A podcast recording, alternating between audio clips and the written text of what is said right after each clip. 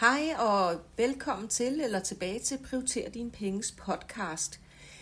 For nogle år siden, det er nok fire år siden efterhånden, der lavede jeg sådan nogle øhm, ugespar challenges på Instagram, og de blev taget vel imod, og folk synes, det var meget sjovt. Så jeg tænker faktisk også at, at, at, ja, at prøve, det, prøve det af herinde. Og det handler jo simpelthen om, at jeg kommer med, hvad jeg synes er et godt råd til, hvordan man kan spare penge øh, alle syv dage i en uge. Og der er jo ikke nogen, der siger, at man skal starte øh, lige præcis på en mandag, men, øh, men det er da en idé. Øh, man kan også bare starte det en onsdag, eller hvad ved jeg. Så her kommer i hvert fald mine, min ugespar challenge nummer et. øhm, altså uge, uge et, eller hvad man kan sige, fordi jeg har tænkt mig at lave dem nogle gange. Så, øh, men dag et det er, at man skal lægge en annonce ud med noget, man vil sælge. Fordi det er en rigtig god måde at tjene penge. Det kan godt være, at du ikke lige tjener penge den dag, men altså, vi har vel alle ting og sager rundt i vores hjem, om det så er tøj, eller malerier, eller bøger, eller øh, ja, hvad ved jeg, møbler, eller børnene har man lyst til at sælge en gang imellem. Nej, det er noget pjat, selvfølgelig har man ikke det, men I ved, hvad jeg mener. Der, der kan være nogle ting, hvis du kigger der rundt i dit hjem, som, øh, som du tænker, det er, det er tid til, at nogle andre kan få lov at, at elske det.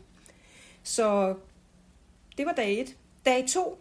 Ring til dit forsikringsselskab, øh, eller, eller begge dele, og, øh, og eller mobilselskab, og sig, at du har fået et bedre tilbud, og du simpelthen overvejer at, at sige op hos dem. Fordi det plejer at få, få dem op af stolen og lige komme med, komme med nogle justeringer, som gør, at, øh, at du lige sparer måske 60 kroner om måneden, hvilket jo alligevel er flere hundrede kroner om året, øh, eller endnu bedre. Altså, øhm, så, så prøv det af. Det er kun lige et opkald og måske 5-10 minutter af din tid, og så, så kan man altså spare flere hundrede kroner, måske tusindvis af kroner. Så, yes.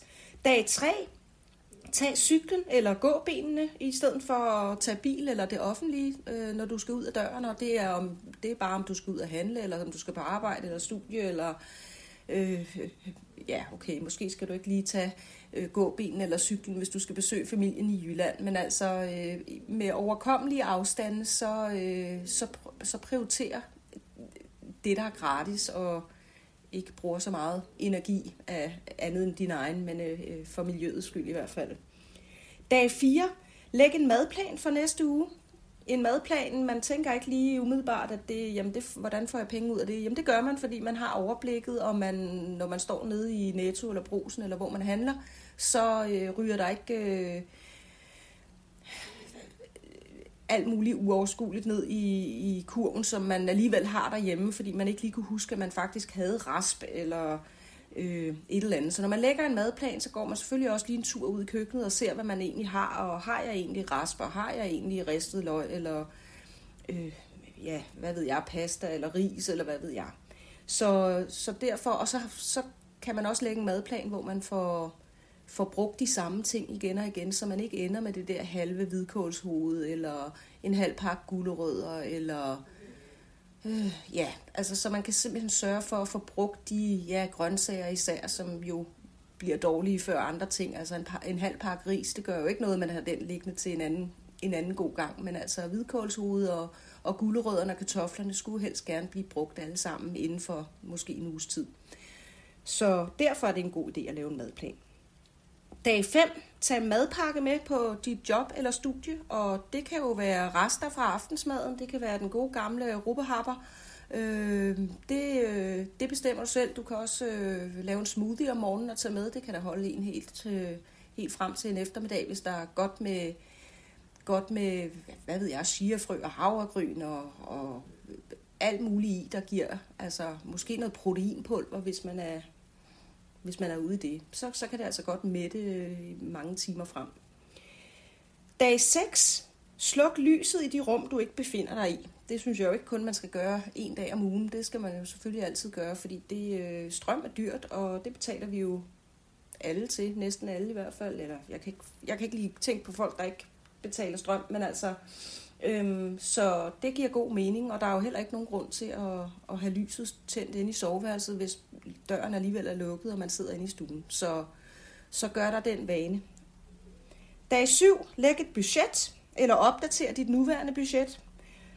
Og øh, hvis du ikke ved, hvordan man lægger et budget, eller har problemer med det, og ikke tør se realiteterne i øjnene, øh, ej, altså, I ved, hvad jeg mener, fordi det bliver, man får ikke flere penge af at, at lægge et budget, men øh, man, man, man, får en, man får et overblik, og, og, og, gør, og det gør, at man måske tænker sig om.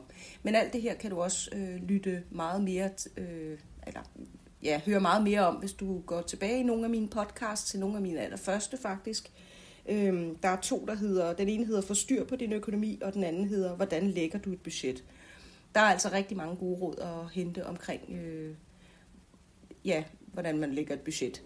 Så det var mine gode forslag til en, øh, en måde at spare penge hver dag i en uge. Så øh, jeg håber, I er med på den, og, og om I starter i dag, eller i morgen, eller på mandag, det, øh, det bestemmer I helt selv.